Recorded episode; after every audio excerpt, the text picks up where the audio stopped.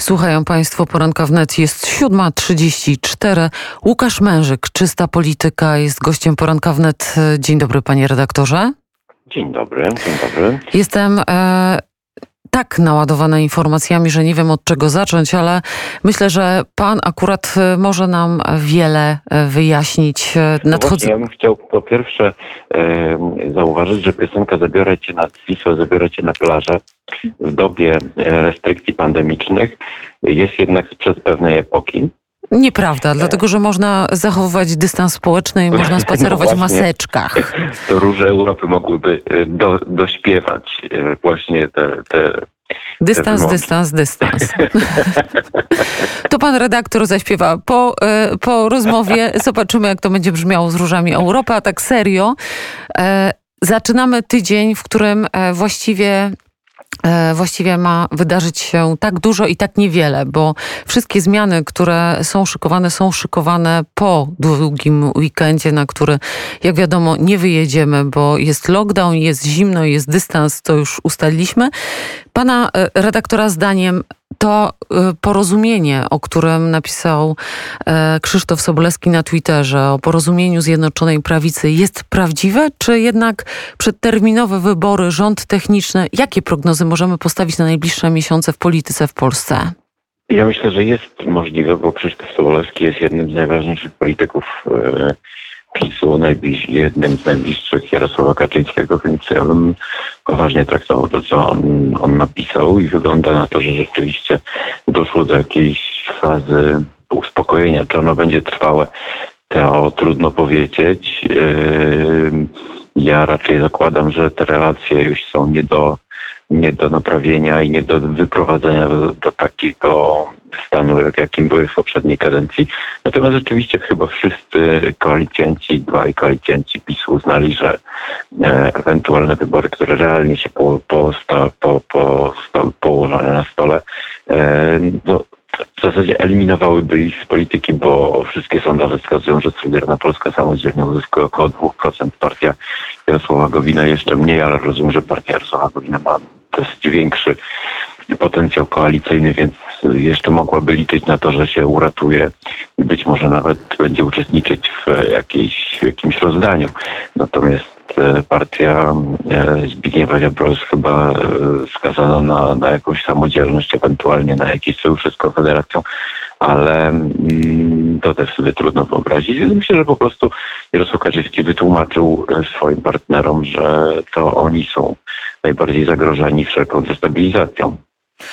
A nie sądzi pan, że doszło jednak do pewnych targów politycznych i przywódcy wymienionych dwóch partii, czyli Jarosław Gowin i Zbigniew Ziobro, otrzymali jednak jakiś, jakiś, e, jakiś kawałek e, e, łupów politycznych, jakbyśmy to tak w sposób banalny nazwali. Co mogło, co mogło przekonać Zbigniewa Ziobro i Jarosława Gowina do jednak podjęcia wspólnej drogi na kolejne dwa lata?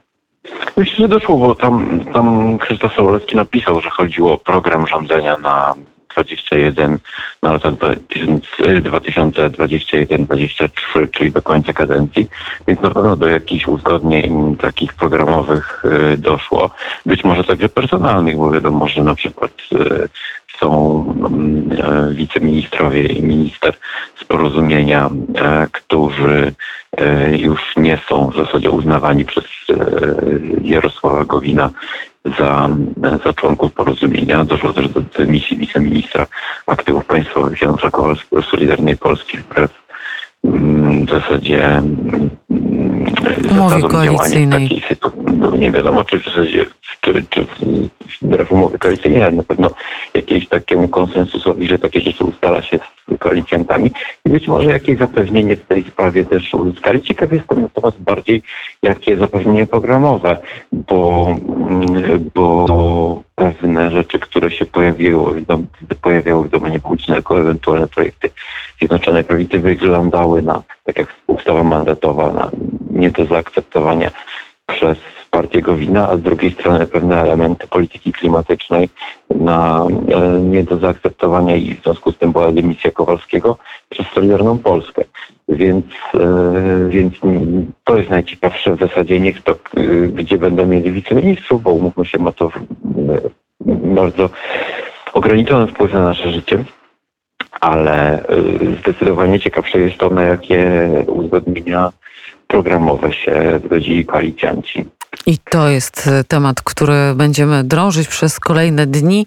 Zanim e, nadchodzący tydzień w polityce e, przyniesie datę, chyba już zapowiadaną jako 8 maja, startu rządowej kampanii o 770 miliardów złotych, które Polska otrzymać ma z unijnego budżetu, co było jednak kością niezgody pomiędzy Solidarną Polską a premierem Mateuszem Morawieckim i PiSem.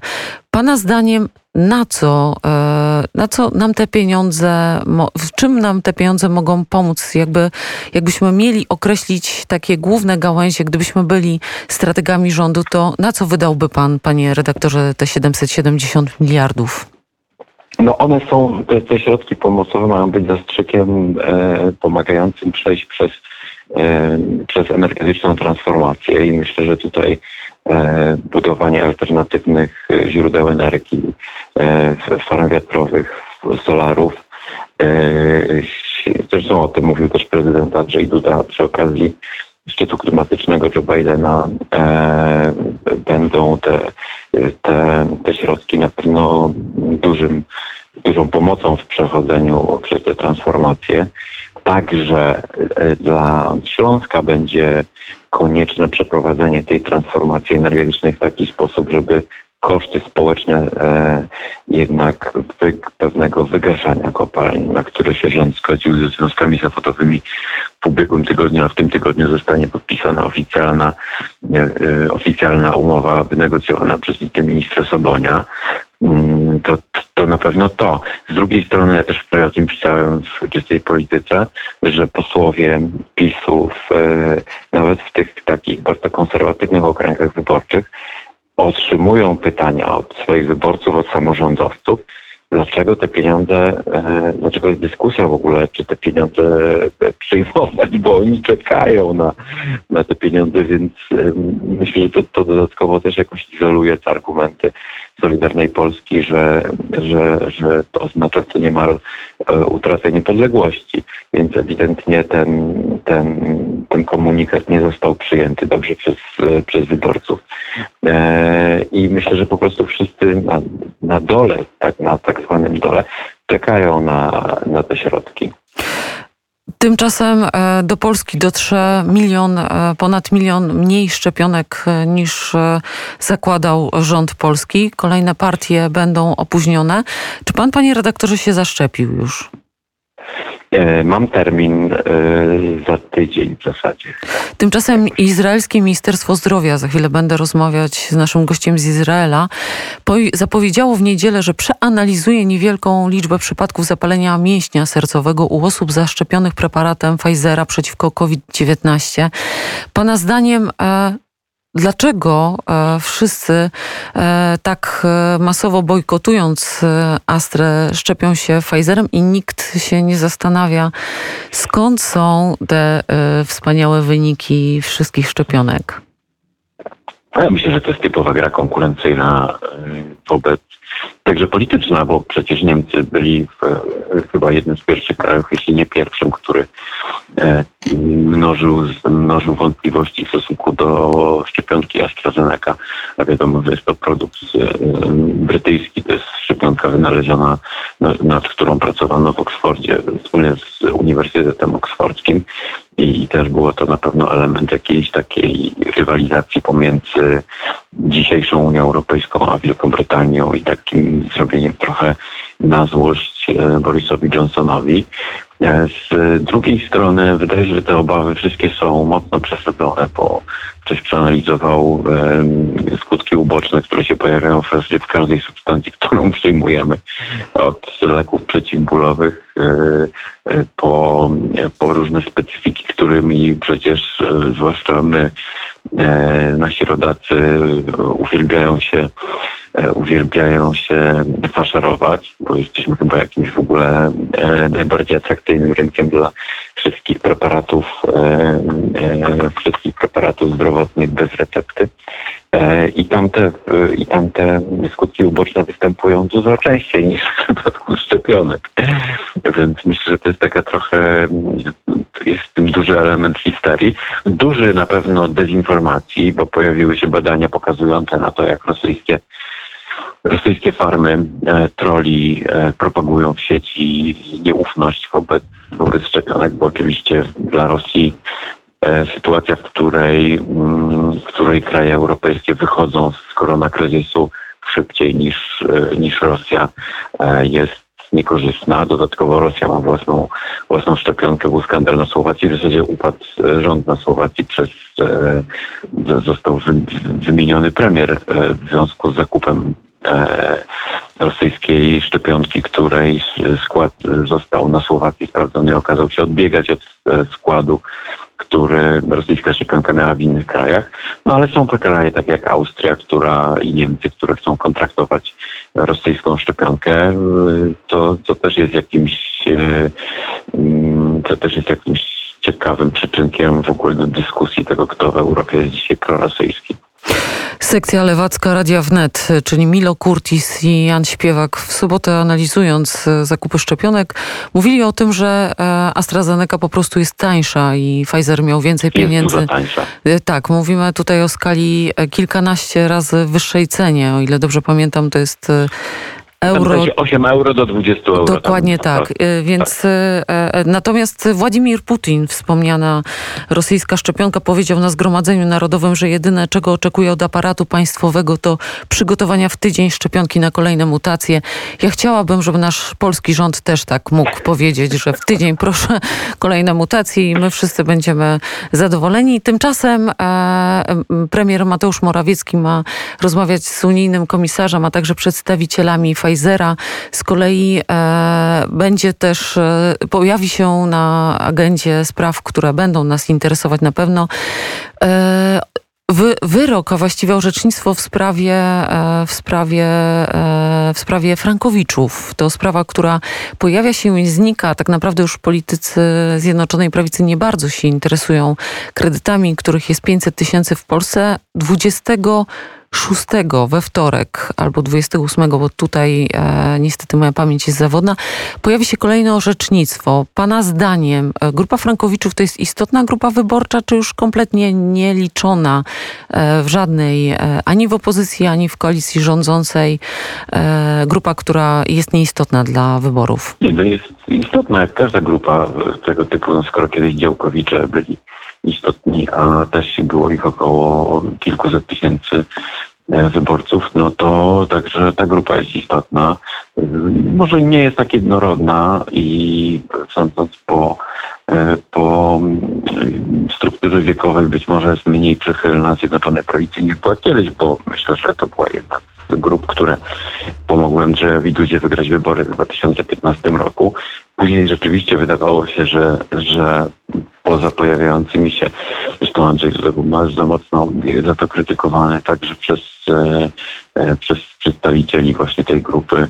E, to był jeden z reżyserów Maciej Pawlicki, filmowych, którzy byli jednym z liderów tej grupy Frankowitów i mimo takiej przychylności do Andrzeja Dudygo za to krytykował, za porzucenie. Wydaje się, że droga sądowa jest najlepsza, bo definitywnie zamknie e, wszelkie ewentualne drogi podważania takiej decyzji, bo gdyby to była ustawa, no to można było się zastanawiać, czy jest konstytucyjna, czy nie, skarży do TSUE, e, no a wyrok Sądu Najwyższego e, będzie, zresztą ja nie jestem pewien, czy on się odbywa, jest zaplanowany już aż tak szybko.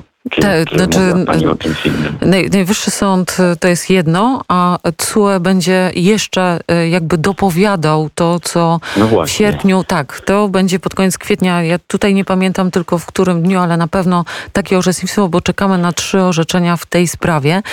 Ale jeśli mielibyśmy już e, zakończyć naszą rozmowę, to nie możemy zakończyć bez życia opozycji. Jak Pana zdaniem wygląda w tej chwili sytuacja na opozycji? Kto de facto jawi się jako lider i czy pomysł Platformy Koalicji Obywatelskiej na wymianę lidera z Borysa Budki na Rafała Trzaskowskiego jest dobrym pomysłem? Ja to chyba takiego pomysłu do końca nie ma, bo, bo chyba zdają sobie sprawę, że fundowaliby sobie tak naprawdę dzisiaj rywalizację wewnętrzną, która jeszcze bardziej by destabilizowała platformę. Natomiast widać, że platforma rzeczywiście chyba najlepsze lata swojego dnia ma za sobą. E, nie potrafiła się odnaleźć, bo nie, nie, nie, nie, nie, nie, odnalazła swojej formuły opozycyjnej, nie, nie postawiła jakiegoś kolejnego kroku, stąd, stąd wszedł w to tę próżnię zostawioną przez Platformę e, Szymon Hołownia. Natomiast wydaje mi się, że sytuację, ćwiczyliśmy tę sytuację rok temu przy wyborach prezydenckich, kiedy była kandydatką Małgorzata Kidawa-Błońska i Platforma tak w zasadzie e, spadała z sondażu na sondaż, aż w końcu Małgorzata Kidawa-Błońska miała chyba 2% i ją wymienili. Więc myślę, że do tego samego prędzej czy później dojdzie w Platformie z Borysem Budką, który się wydaje, że jest właśnie takim liderem, jakim Kidawa była jaką kandydatką na, na prezydenta. Mm, I wejście do gry, ponowne wejście do gry Rafała Trzaskowskiego przy wsparciu samorządowców, to jest myślę, to jest myślę ten wariant, który końcu kiedyś w opozycji zwycięży i będzie jednak problemem, bo dla rządzących, dla reszty opozycji, ponieważ samorządowcy dysponują chyba największym, e, największymi takimi środkami politycznymi, w sensie, że mają, e, mają zasoby ludzkie, mają zasoby możliwości komunikowania się z wyborcami na tym najniższym poziomie, więc e, myślę, że przyszłość opozy liberalnej opozycji to, to są dzisiaj samorządowcy, czyli de facto ich emanacją jest Rafał Trzaskowski. Myślę, że w tym kierunku to będzie się, to będzie się rozwijało. A ja nie rozumiem dlaczego, a ja nie rozumiem dlaczego kandydatka Platformy Obywatelskiej nie jest brana pod uwagę jako lider e, kobiecego ruchu Kidawa Błońska na czele e, partii opozycyjnej. To byłoby też ciekawe doświadczenie. Bardzo serdecznie dziękuję. Czekam na połączenie z Aleksem Dancygiem, współpracownikiem Jadwarsze, a panu redaktorowi życzę wszystkiego Bardzo dobrego. Pośpiewamy sobie Róże Europy przy następnej okazji. Dobrego no wszystkiego. Łukasz Mężyk, Czysta Polityka, był gościem Dziękuję poranka bardzo. wnet. A my teraz posłuchamy Grechuty dla Państwa.